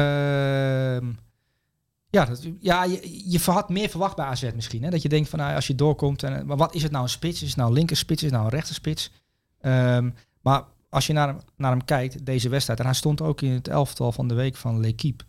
Um, dat zegt op zich niet alles, maar het betekent dat je gewoon een goed weekend hebt gehad. Ja. Um, maar bij hem zie je dat is een aantal kwaliteiten. Hij heeft snelheid, uh, hij heeft kracht en hij heeft techniek. En hij moet veel vaster worden in, in, in, in, ja. in, zijn prestaties. En ik vind wel dat hij nu bij Toulouse, en ik weet niet of dat momentopname is, maar je zag wel dat hij nog steeds een aantal keer ballen verliest. Dat je denkt, oké, okay, die bal moet je eigenlijk vast hebben en een ploegnoot aanspelen hij speelt bij Toulouse. Um, en het is wel een speler die in Frankrijk de tijd en ruimte krijgt. En ook qua fysiek er wel past, want het is echt een fysieke competitie. Calvin Stengs is ook naar, naar, uh, naar Nice gegaan natuurlijk, naar, ja. naar de Ligue 1. Maar dat is eigenlijk een te frivole voetballer, te veel paser voor een rechtsbuiten op, op, in de Frankrijk, vind ik persoonlijk past ja. daar niet echt. Maar als je nu de positie van Abu Klal erbij pakt, hè, want hij speelt eigenlijk in een, uh, speelt een soort driehoek voorin. Ja. Uh, drie spelers dicht bij elkaar en dan speelt hij achter die uh, Dallinga in dit geval. Ja, dat is trouwens, dat is trouwens iets. Um, ja, laat, we, maak eerst jouw verhaal af. Oké. Okay. Als je dan, kijk, die positie, daar denk ik wel van, nou, die past wel bij hem. Want hij is in de kleine ruimte is hij best behendig. hij, hij is in de eindfase ook wel handig. Alleen ja, het is, het is net even die fase daarvoor. Leidt hij te makkelijk balverlies? Is die te onzorgvuldig. En, en ja, dat is denk ik die vastheid waar jij het over hebt. Ja, als hij dat krijgt, bijvoorbeeld, uh, je hebt ook Noordin Amrabat gehad. Hè? Die had ook snelheid en techniek en kracht. Maar op een gegeven moment, als je die inspeelde, vlooi je de bal niet meer. Dat moet die Zakaria Abouklal natuurlijk ook gaan krijgen. Uh, maar je ziet wel dat hij de potentie heeft om tot een, tot een prima uh, buitenspeler zich te ontwikkelen. Of tot een tweede spits of iemand die inderdaad achter de spits speelt en in die, in die half space een beetje eh, eh, dingen kan creëren. Maar je ziet wel dat hij kwaliteiten heeft die, die, die bij elkaar best apart zijn. Dus hij heeft en techniek en kracht en snelheid en een beetje flair. eh, het scorend vermogen. En ja, de, Toulouse heeft dat, dat prima gescout. En, maar ook wilde Thijs Dallinga. Want Dallinga. ehm, die, en die komt natuurlijk uit de keukenkampioen divisie. Ja, net als Van de Bomen. Ja, net als van Branko van der Boom. Maar die heeft in de Ligue 2 eh geweldige statistieken gehaald. hè. Er waren echt bizarre statistieken. Ehm, maar dat zie je niet in de Ligue 1 nu. Omdat het, eh, ja, dat is een hoger niveau. En Ja. ah, de, de tegenstand is beter georganiseerd. En je speelt veel minder op de aanval. Want ah, bijna elke ploeg is beter. Ehm, maar Toulouse heeft Stijn Spierings en Branko van der Boom. Dat is al best wel een opmerkelijke scouting. Absoluut. Ehm, dan heeft Zakaria Abouklal ook voor een League 1 club, dat je die naar zo'n speler scout. Maar dan hebben ze Thijs Dallinga als spits gehaald. En jij hebt de beelden waarschijnlijk ook gezien. Maar die is wel op, ja, hoe zeg je dat? Die is met zijn rugtas, rugtas op avontuur in een, in een grote jungle. En die is toch wel echt aan het ontdekken van, oh, ze zijn allemaal wel heel groot hier. En allemaal wel heel snel hier. En die is aan het ontdekken hoe die, Die als kijkt een beetje verwonderd om zich heen. ja, maar, maar het, is, het gaat allemaal zo snel. En ze zijn allemaal zo, fysiek zo sterk. Bij, bij Excelsior, in de, in de keukenkampioen divisie, liepen de verdedigers de verkeerde kant op. Stond hij altijd vrij. en nu schijnen ze hem gewoon in de gaten te houden. Ik ja, dat is wel gek. Maar waarom doen die verdedigers dat allemaal? Ja. Ze houden hem allemaal in de gaten. Dat deden ze normaal nooit. Ja. Ehm, en dat zie je een beetje terug. En dat is wel leuk om te zien. En hij heeft dan natuurlijk al, al gewoon gescoord. En, en het Ja. is wel echt een goaltjesdief. Iemand die op de juiste plek, een Zaki-type die dan het gevoel heeft voor waar een bal gaat vallen.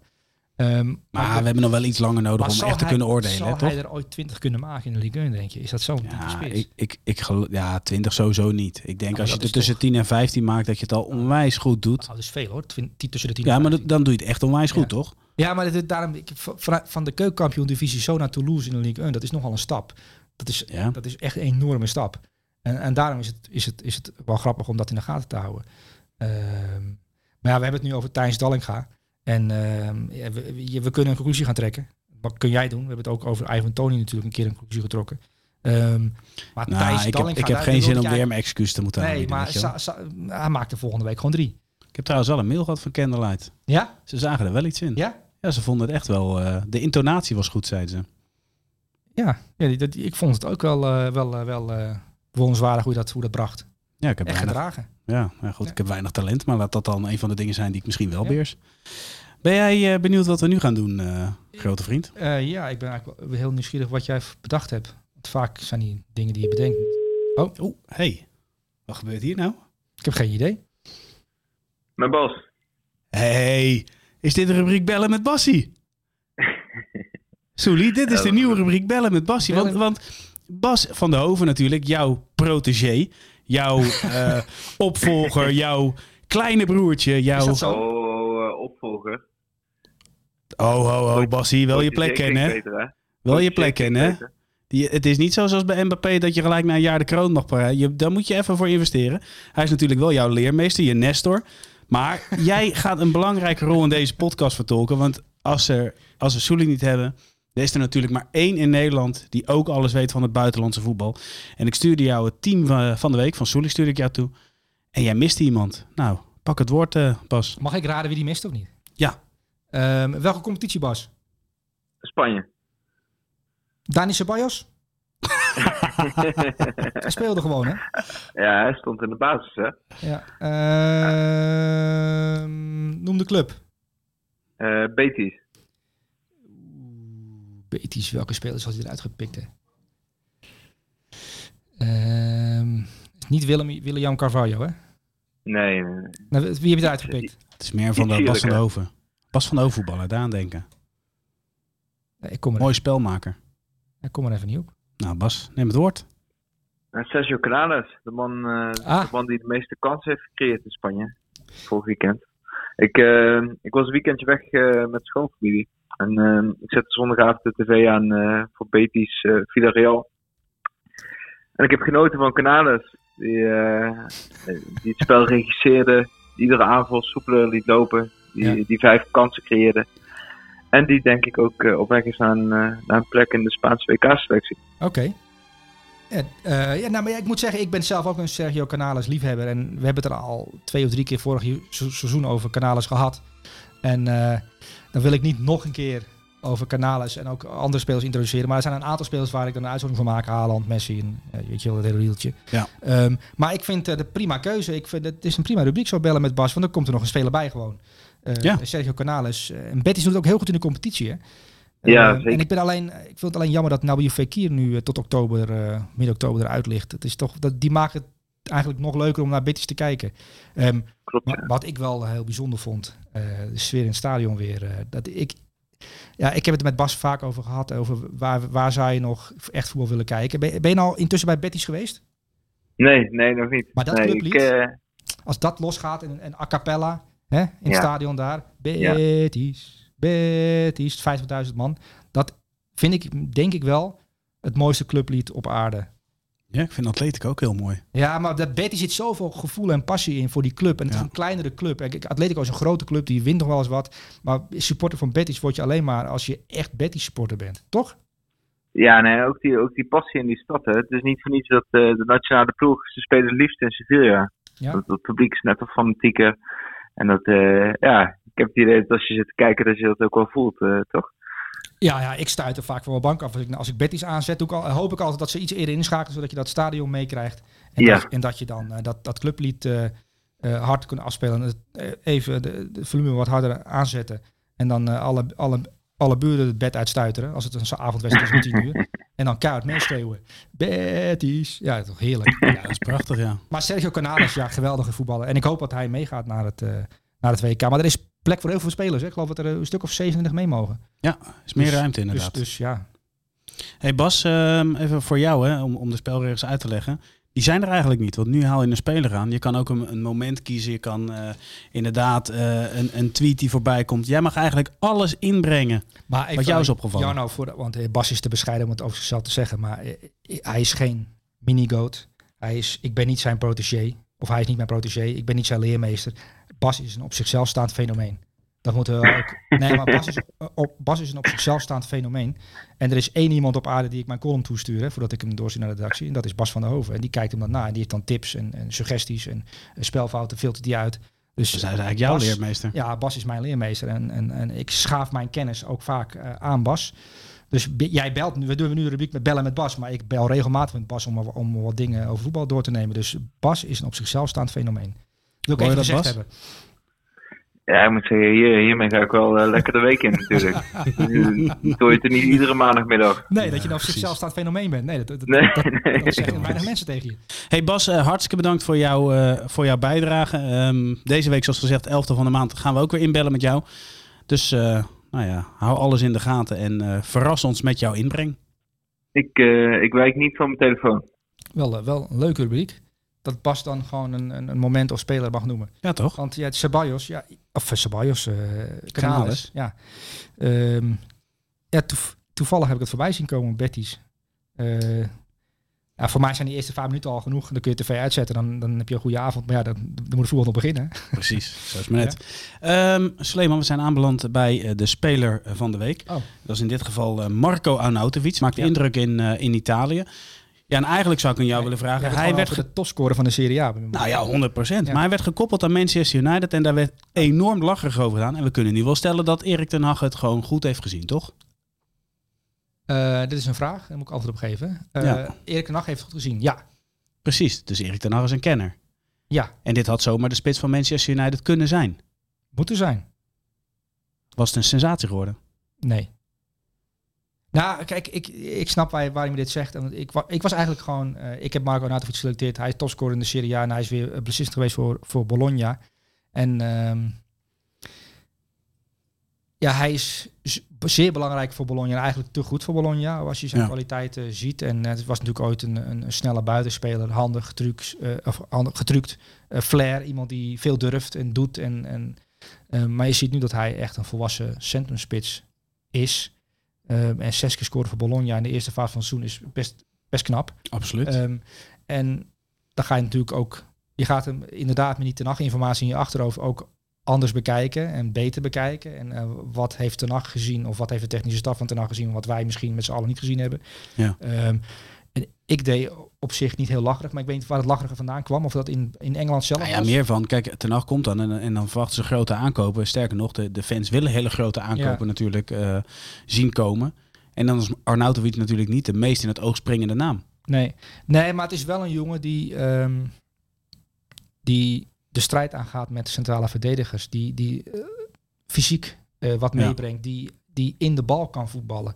Dus Hij heeft al bewezen dat hij in Engeland kan voetballen. Ja, die in de bal kan voetballen, die, die, die niet snel een bal kwijtraakt, die, die als kapstok kan fungeren van een ploeg, eh, maar ook in de 16 eh, aanwezig is. Dus het is een, het is een vrij complete spits.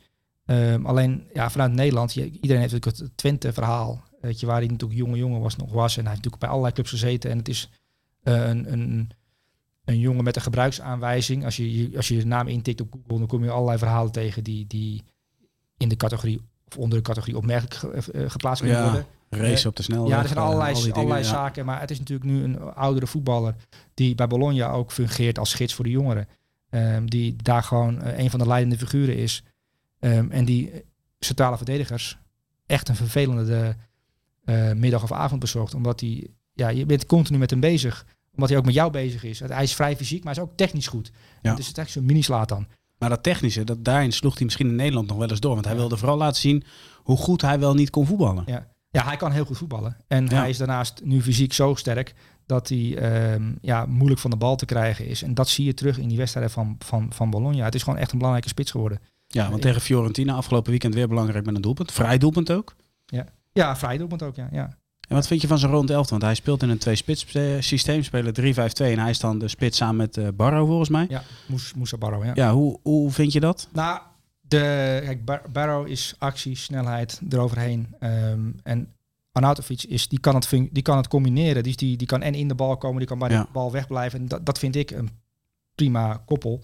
Ehm, en ja, met terugwerkende kracht, en we, de- we, de- we zijn er wel vrij over, makkelijk overheen eh, hebben er gepraat. Ehm, maar Ten Hag had denk ik wel een hele duidelijke rol voor hem in gedachten. Ehm, iemand die, die, die je in, in kunt brengen in een slotfase, omdat hij dan oorlog kan maken en dat hij het gewoon een, een doelpuntemaker is. Maar ook iemand die, eh, waarmee je in wedstrijden een spits hebt die, die bal vast is. Het is wel belangrijk dat je soms een spits hebt die even de bal vasthoudt, waarbij het voetbal op gang gebracht kan worden. Dat Ja. heeft United op dit moment natuurlijk nu niet, want noemen, noemen ze spitsen van United op. Het zijn lopende spelers. Maar dan moet ik ook gelijk weer denken aan Ajax. Dat hij in de Champions League natuurlijk voor de Tadic variant koos. En dat Ja. was dus een balvaste spits. Ja, je hebt natuurlijk Rashford nu in het centrum staan. Je hebt Jadon Sancho op links en Anthony op rechts. Dat is denk ik de basis van United Ja. nu. Ehm, dan heb je ook nog Bruno Fernandes erachter. Ehm, maar die, die spitsen zijn allemaal actiespelers eh, op snelheid. Maar een echte centrumspits is er in de selectie op, op dit moment niet voorhanden. Dus de keuze voor Arnautovic, die begreep ik paar weken geleden ook wel hoor, eerlijk gezegd. Dat ik dacht van Ja. ja, ze hebben een spits nodig die een ander profiel heeft. En dat, dat heb je op dit moment in de selectie niet. Ja, Cristiano Ronaldo. Eh, maar het is geen balvaste spits. Eh, nee, klopt. Maar dan is, dan is de vraag, als je dan je zoekt naar een balvaste spits, waren er grotere namen beschikbaar? Nou ja, ze hebben natuurlijk eh, Benjamin Sesko wel benaderd. Alleen die heeft besloten om, om te blijven bij Salzburg en, en, en nog een jaar bij die club te spelen. En dan, dan een stap te zetten naar eh, misschien een andere club of alsnog naar United. En er komt natuurlijk in januari nog een transferperiode aan. En misschien dat dan ehm, op basis van wat ze nu hebben gezien van Anthony en van Lisandro Martinez en van Eriksen, hè, de, nieuwe, de nieuwelingen, dat ze denken, goh, die, die Erik ten Hag, ehm, die, die invloed heeft op het transferbeleid, die kunnen we eigenlijk wel vertrouwen. Want hij haalt spelers binnen die een functie hebben en die eh, de andere spelers aanvullen. Ja. Ehm, dus sluit niet uit dat, eh, dat Manchester United straks de topscorer van de Serie A binnenhaalt. Alsnog zeggen. Dus ze gaan Nou, voor ze een nu, nieuwe nu poging. zien, nu zien oké, die, die Eriksen, die functioneert. Eh Lisandro Martinez heeft veel geld voor betaald, maar die heeft wel de rest van de verdedigers ook beter gemaakt. Die heeft het elftal beter gemaakt. Ehm, Anthony, 100 miljoen, maar die brengt wel wat. Ja, dus je eigenlijk bij de volgende suggesties die eh Ten Hag gaat doen in de winterstop, krijgt hij het voordeel van de twijfel. En nu kreeg hij dat niet. Niet, ja. Dat, dat vermoeden heb ik, Ja. dat het zo werkt. En als je, dan, als je dan de situatie van nu pakt en hij zou er ehm, geweest zijn, zou je het dan nog steeds wel als een plan B gezien hebben? Of ook echt wel als een serieuze Ja, optie dat- in de basis? Dat weet je natuurlijk nooit van tevoren. oh, wat zegt het gevoel? Ja. Als je nou naar de Serie A nu Nou, kijkt. uh, Kijk, als je een, een type Arnautovic zoekt, of, of een sterke spits die ook kan meevoetballen. Dus er zijn allerlei andere types ook eh, denkbaar. Bijvoorbeeld Juventus heeft zo'n speler rondlopen. Vlaovic. Ja, Die- dat is ook een soort mini Slatan. Die kan en goed voetballen en is in de 16 en is een jager. Ehm, ja, en zo kun je Alvaro Morata, weer een ander type. Maar er Ja. zijn heel veel spitsen beschikbaar. Nautovic is natuurlijk niet de nummer 1. maar ik denk dat Ten Hag hem goed kende en dacht een relatief goedkoop alternatief. Dan hebben we tenminste het komende half jaar een jaar een spits. We kijken wel hoe het loopt, hoe het uitpakt. En, en Ja. wellicht past hij perfect bij de spelers om hem heen. Want je hebt natuurlijk met Jadon Sancho en met Rashford en met Anthony wel heel veel beweging. Ehm, dan is het ook wel lekker als je kunt variëren en een speler à la Ivan Tony kunt neerzetten. Ja, om maar iemand te noemen. Om maar iemand te noemen, ja. Ja, helemaal eens. Ja, Soelie, we zijn weer... we Want zijn Ivan Tony kost 70 miljoen en, en ehm Arnautovic kostte 15 miljoen euro, Marco Arnautovic. Dus dat is natuurlijk wel een soort... eh, ja, ik heb de keuze al gemaakt. dan kies jij voor? Arnautovic. Oh, dan kies je voor Arnautovic. Ondanks de excuses. Oké. Oké. Hey, eh solide uitzending zit er weer, eh, zit er weer op. We gaan ons eh, opmaken voor het elftal eh, van de maand. En daarna ga jij lekker op vakantie, hè? Eh, ja. Dus dan hebben we het elftal van de maand. hebben we interlandperiode. En daarna moeten we Pieter Zwart één keer zien te strekken als vervanger. Maar dan ja, moeten we even weer terugkomen bij Het jou. licht gaat uit. Ja, dat heeft te maken dat de bewegingssensor zit in het videohok. En in het videohok is geen beweging. Dus dan is het hier donker. Ja, Ruben werkt vandaag en dan is, er, dan is er geen beweging in het video. Nee. ja, hè? Ja. Ja, nou goed. Sully, hartstikke bedankt. Tot de volgende aflevering. En jongens, jullie bedankt voor het kijken en voor het luisteren. En tot de volgende Maar- aflevering van het... Je moet wel, ik ben wel een paar weken weg, hè? Ja, ik weet het. Ja, Het zal afkicken worden. Ja. We gaan het meemaken. oké. Tijd voor de leader. Gooi in. Ja.